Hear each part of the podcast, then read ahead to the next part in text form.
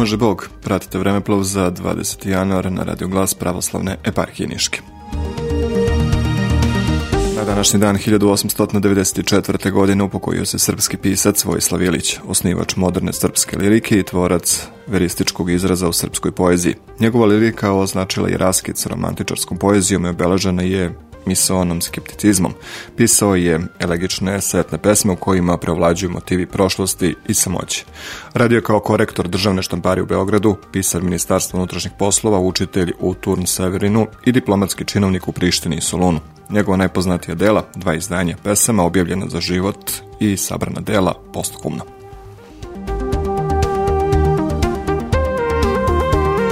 Na današnji dan godine 1861. rođen je srpski vajar Đorđe Ivanović, član Srpske kraljevske akademije, profesor i direktor umetničke škole u Beogradu. Arhitekturu je studirao na velikoj školi u Beogradu, a vajarstvo u Beču, Minhenu i Parizu.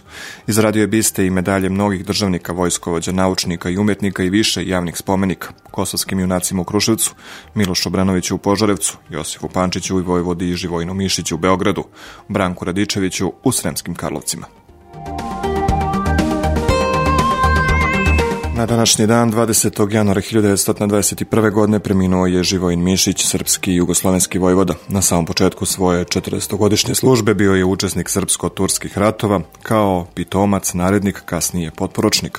U tim ratovima stekao je prva ratna iskustva, takođe je učestvovao i u kratkotrajnom ratu koji se između Srbije i Bugarske odigrao 1885. godine.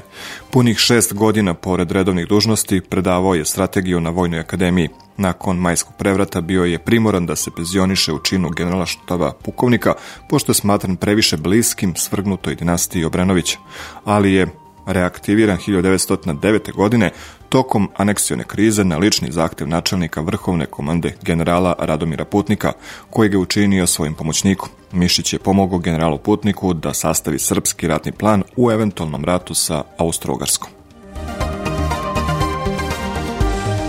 Novosadska racija, naziv za pogrom koji su mađarski fašisti Mikloša Hortija izvršili nad Srbima i jevrejima u Novom Sadu tokom drugog svetskog rata. Racija je sprovedena u Novom Sadu i okolnim mestima od 21. do 23. januara 1942. godine. Ova zločinačka akcija je dobro isplanirana danima ranije od najviših vojno-policijskih funkcionera tadašnje fašističke Mađarske, a za čime je bio upoznata i tadašnja vlada.